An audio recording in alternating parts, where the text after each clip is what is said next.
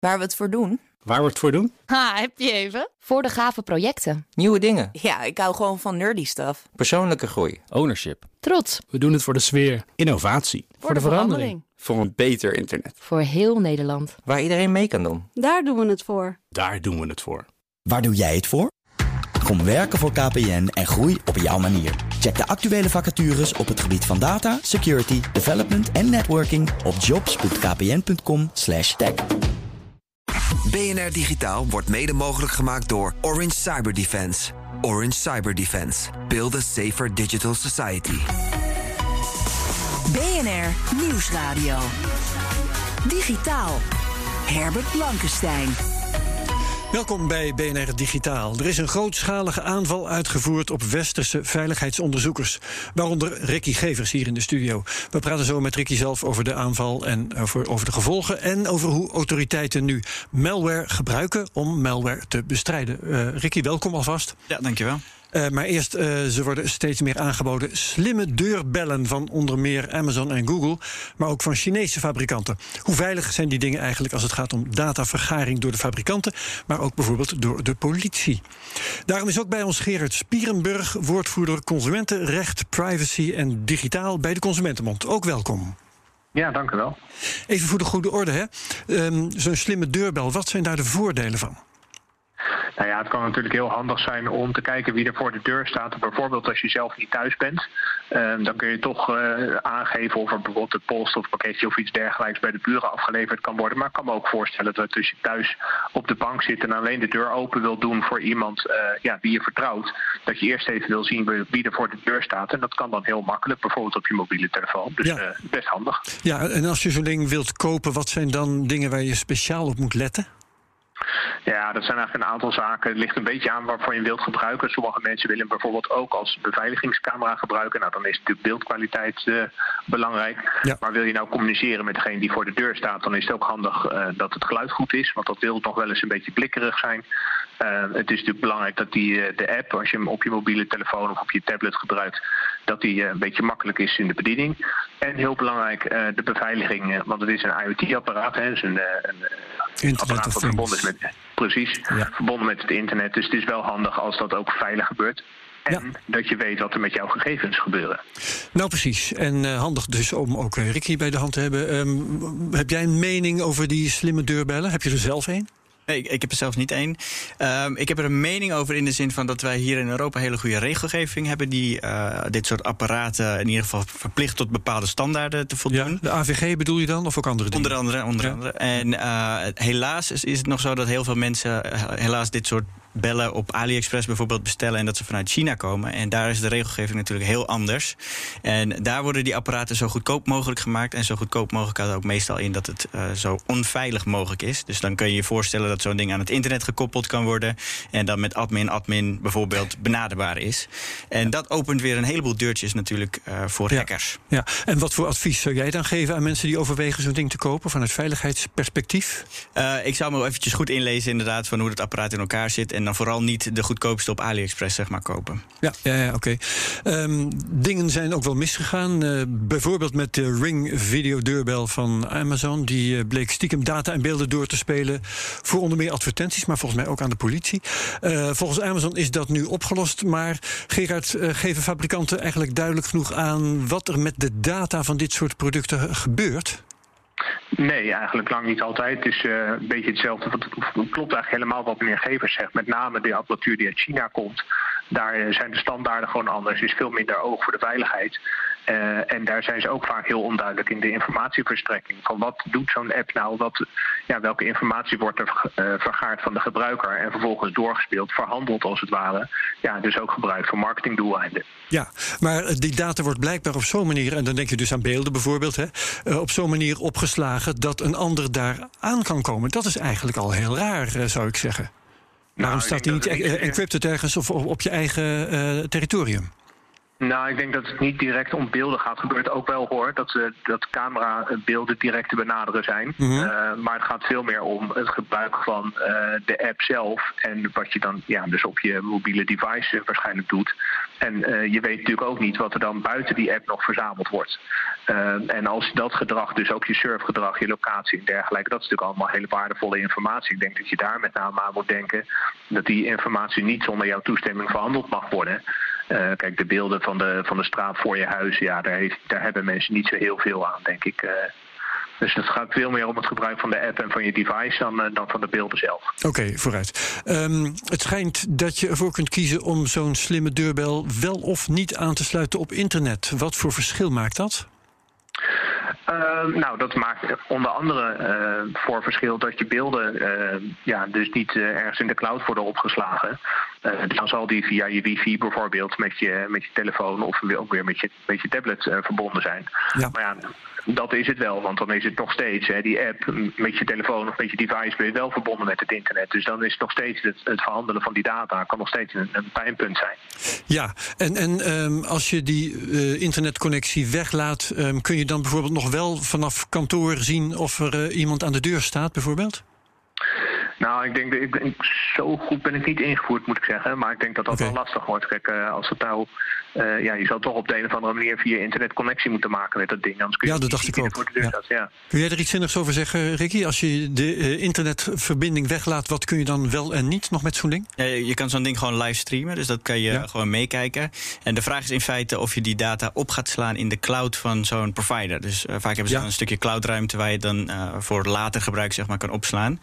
je kan ervoor kiezen om dat niet aan te zetten en dan kan je streamen. Dus dan kan je alleen live meekijken op dat moment.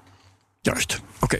En het belangrijkste hier verder is dus of die data encrypted wordt opgeslagen in de cloud of niet. En als het niet encrypted wordt opgeslagen, dan kan die partij kan er dus bij. En eventueel zou politie dan dus die beelden ook weer kunnen opvragen bij die partij. Ja, oké, dus dat is wel een, een factor ja. bij het opslaan van het materiaal uit zo'n camera. Ja, als je het heel privacy-vriendelijk wil doen, dan wordt het, wat jij precies wat jij voorstelde, volledig encrypted opgeslagen. Zodat zo'n partij als Amazon uh, wel bij de beelden of bij de data kan, maar niet bij de beelden. Uh, maar in de praktijk zie je vooral dat het juist unencrypted wordt opgeslagen. Ja, en dat is dus een factor om op te letten als je zo'n ding koopt. Dat ja. je weet dat dat in elk geval kan. Om rekening mee te houden. Ja, ja, ja. Um, Oké, okay, um, Gerard. Ricky noemde al de AVG. Uh, biedt die voldoende bescherming uh, bij het gebruik van zo'n slimme deurbel? Ja, in theorie is die bescherming best wel goed geregeld. Alleen de praktijk is vaak weer barstiger. Hè? Onder andere door wat we net noemden, dat de producenten er gewoon eigenlijk ja, uh, niet zo nauw nemen met de regels, uh, in ieder geval hier. Uh, maar ook het toezicht en, en de handhaving erop is gewoon onvoldoende. als je kijkt ja. naar de autoriteit persoonsgegevens die hierop zou moeten ingrijpen. Nou, ik durf de aantallen niet te noemen, maar die ja, komen eigenlijk gewoon niet toe aan de handhaving. Ze zijn zwaar onderbemand. Dus ja, dat, de handhaving ja, schiet gewoon tekort. Ja, en, en uh, zo'n deurbel kan gebruikt worden als beveiligingscamera. Is dat uh, eigenlijk toegestaan? Dat hangt een beetje vanaf waar de camera naar kijkt, hè, geloof ik. Ja, dat klopt. Je, je mag eigenlijk officieel de camera niet uh, op de openbare weg richten. Dus je mag hem alleen richten op wat direct van jou is. En dan kun je hem nog wel ja. direct op de voordeur. dat is ook weer een privacy kwestie, hè? Privacy van ja, de mensen op straat dan. Ja, zeker. Want het is, het is bijvoorbeeld ook, een, als je kijkt naar gewoon een beveiligingscamera, het is niet de bedoeling om die bijvoorbeeld op de tuin van de buren te richten. Of zodanig op de straat uh, te richten dat je precies kunt zien wie er bij je buren naar binnen en naar buiten gaan. Dat, ja. dat snapt denk ik iedereen.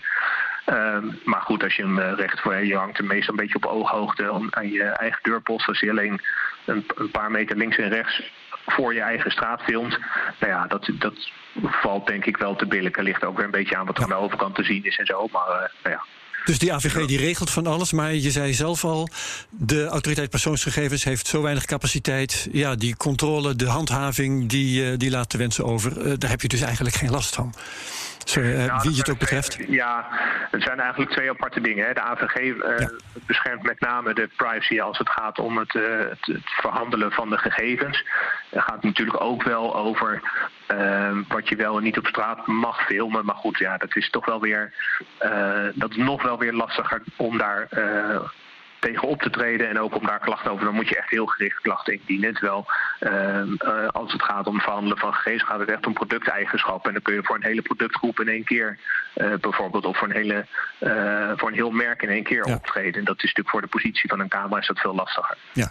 Ehm, in de Verenigde Staten is er een, een echte affaire geweest. die ging over de, de Ring-deurbel van Amazon.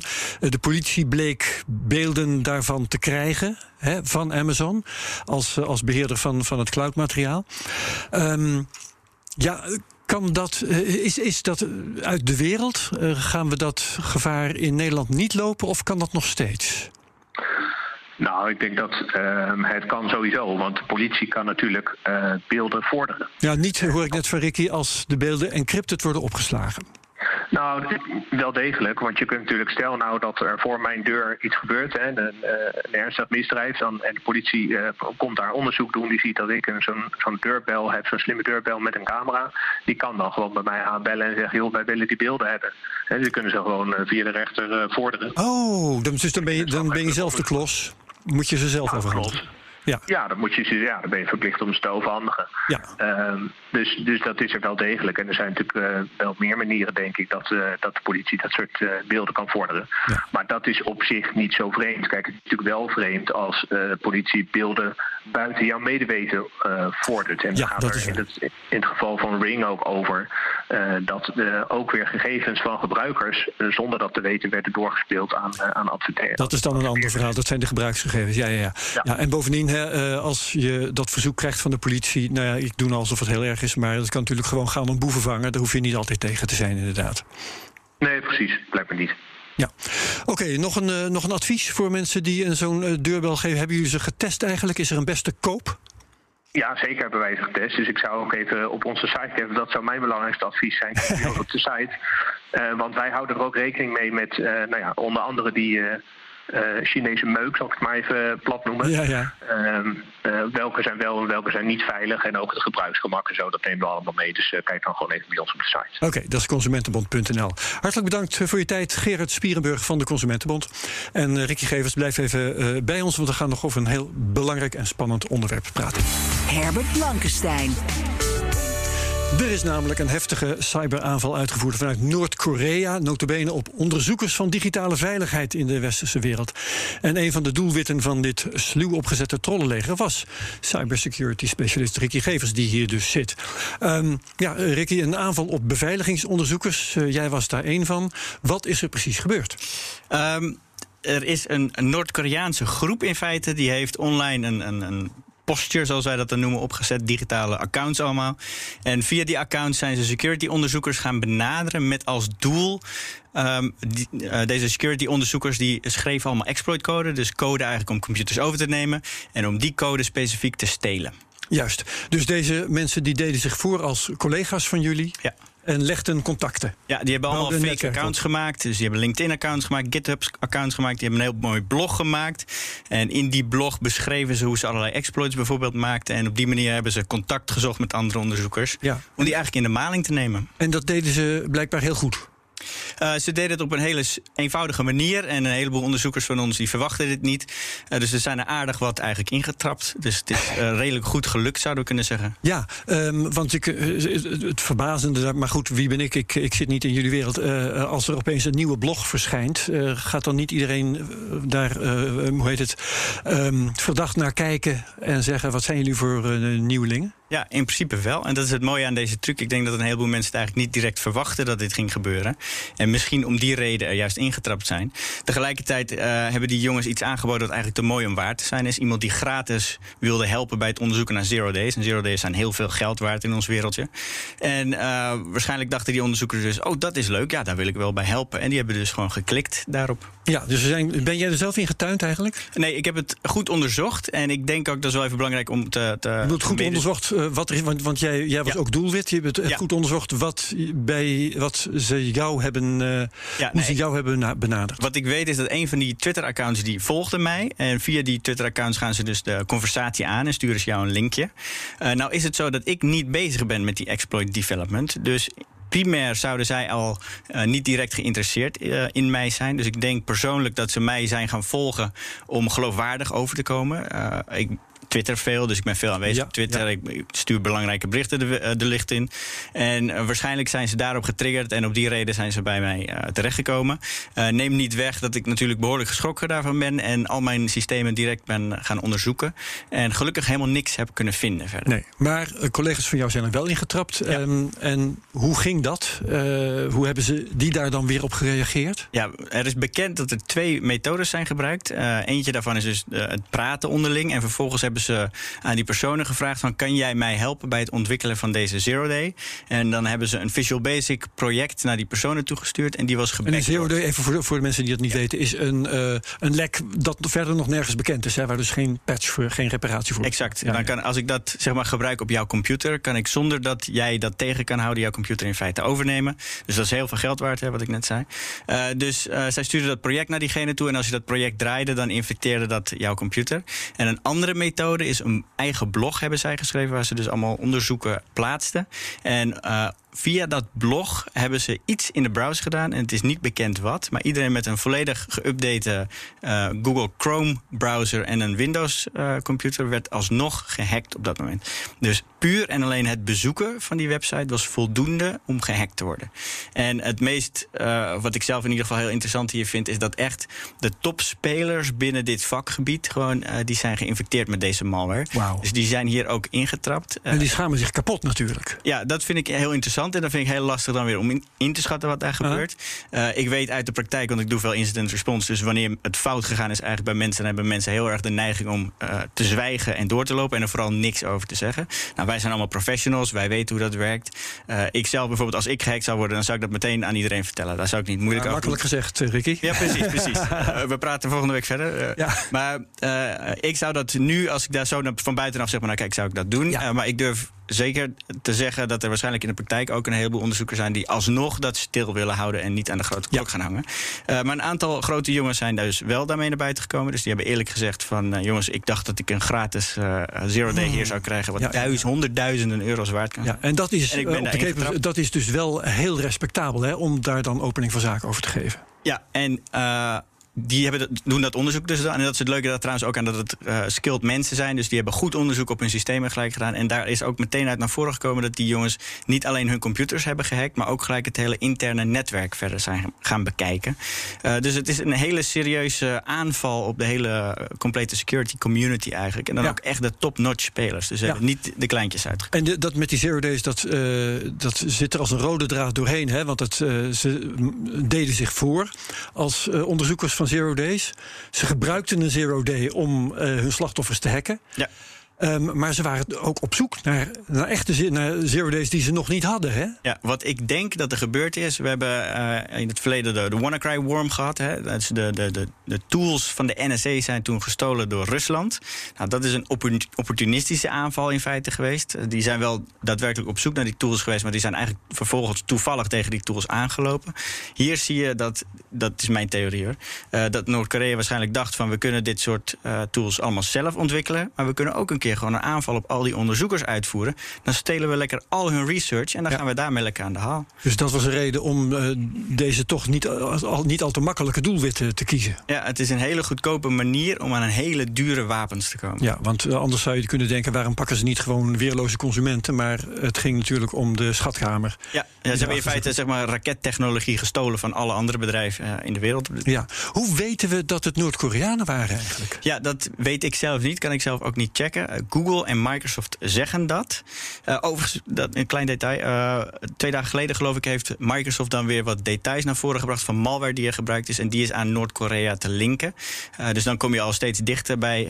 Maar op wat voor manier te linken?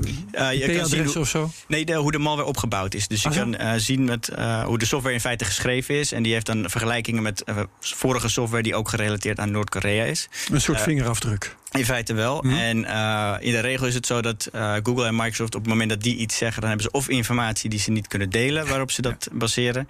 Eh, maar het- meestal klopt dat in ieder geval. Dus ze zijn behoorlijk geloofwaardig daarin. Dus de tijd zal ons verder. Meestal zie je dat over tijd komt, wordt er steeds meer duidelijk en worden steeds meer fingerprints in feite zichtbaar hiervan. Ja. Maar het is behoorlijk geloofwaardig, denk ik, dat Noord-Korea hierachter zit. Ja, en, en hoe echoot dit nou na? Is iedereen het vertrouwen in elkaar kwijt? Of nou ja, leg zelf maar uit hoe de gemeenschap eraan toe is nu? Nou, ik heb er zelf vrij weinig eigenlijk verder van meegekregen. Dat is wel bijzonder. Het lijkt een beetje aan de meeste mensen voorbij gegaan zijn. Ik weet ook niet echt exact wat de reden daarvan is hoor. Uh, ik weet dus van twee belangrijke onderzoekers die een heel groot stuk daarvan op internet hebben geschreven over wat er nu heeft plaatsgevonden.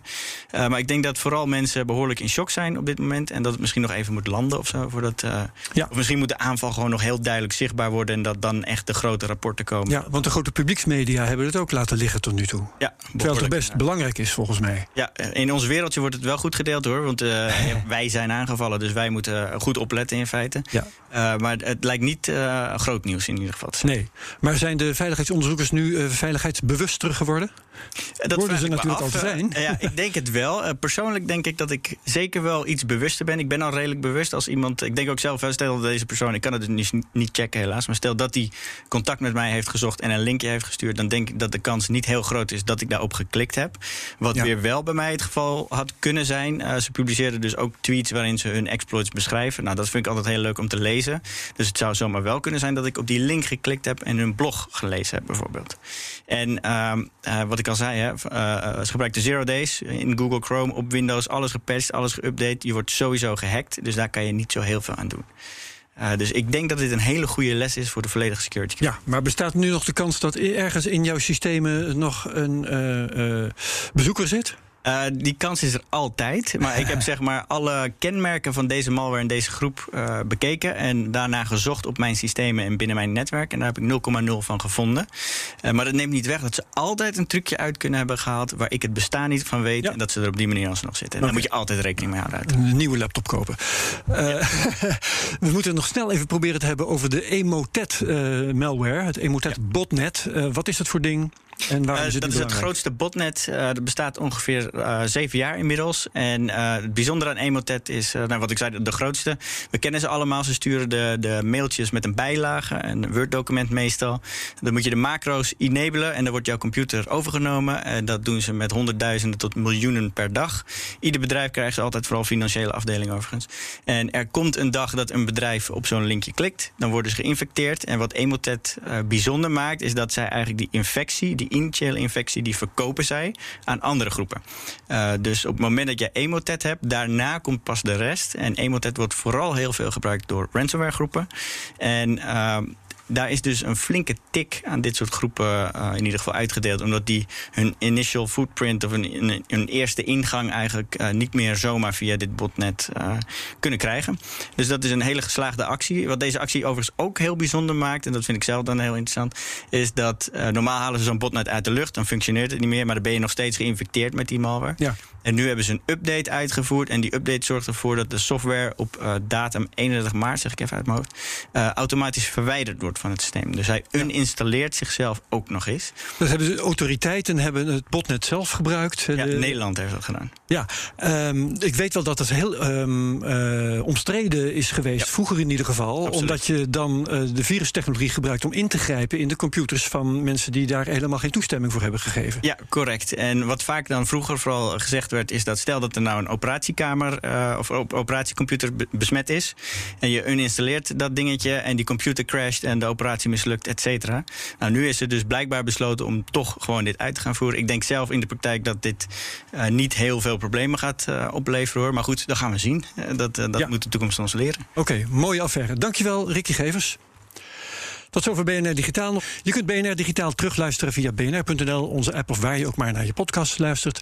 En dan vind je ook mijn andere podcast, de Cryptocast, de technoloog. Deze week over de vraag of kunstmatige intelligentie ons kan overheersen. En Space Cowboys, waarin straks weer eens een testraket van SpaceX in vlammen opgaat. Wat BNR Digitaal betreft, heel graag tot volgende week. Dag. BNR Digitaal wordt mede mogelijk gemaakt door Orange Cyber Defense. Orange Cyber Defense. Build a safer digital society. Ook Thomas van Zeil vind je in de BNR-app. Je kunt live naar mij luisteren in Zaken doen. De BNR-app met breaking news, het laatste zakelijke nieuws... en je vindt er alle BNR-podcasts, bijvoorbeeld Het Nieuwe Geld. Download nu de gratis BNR-app en blijf scherp.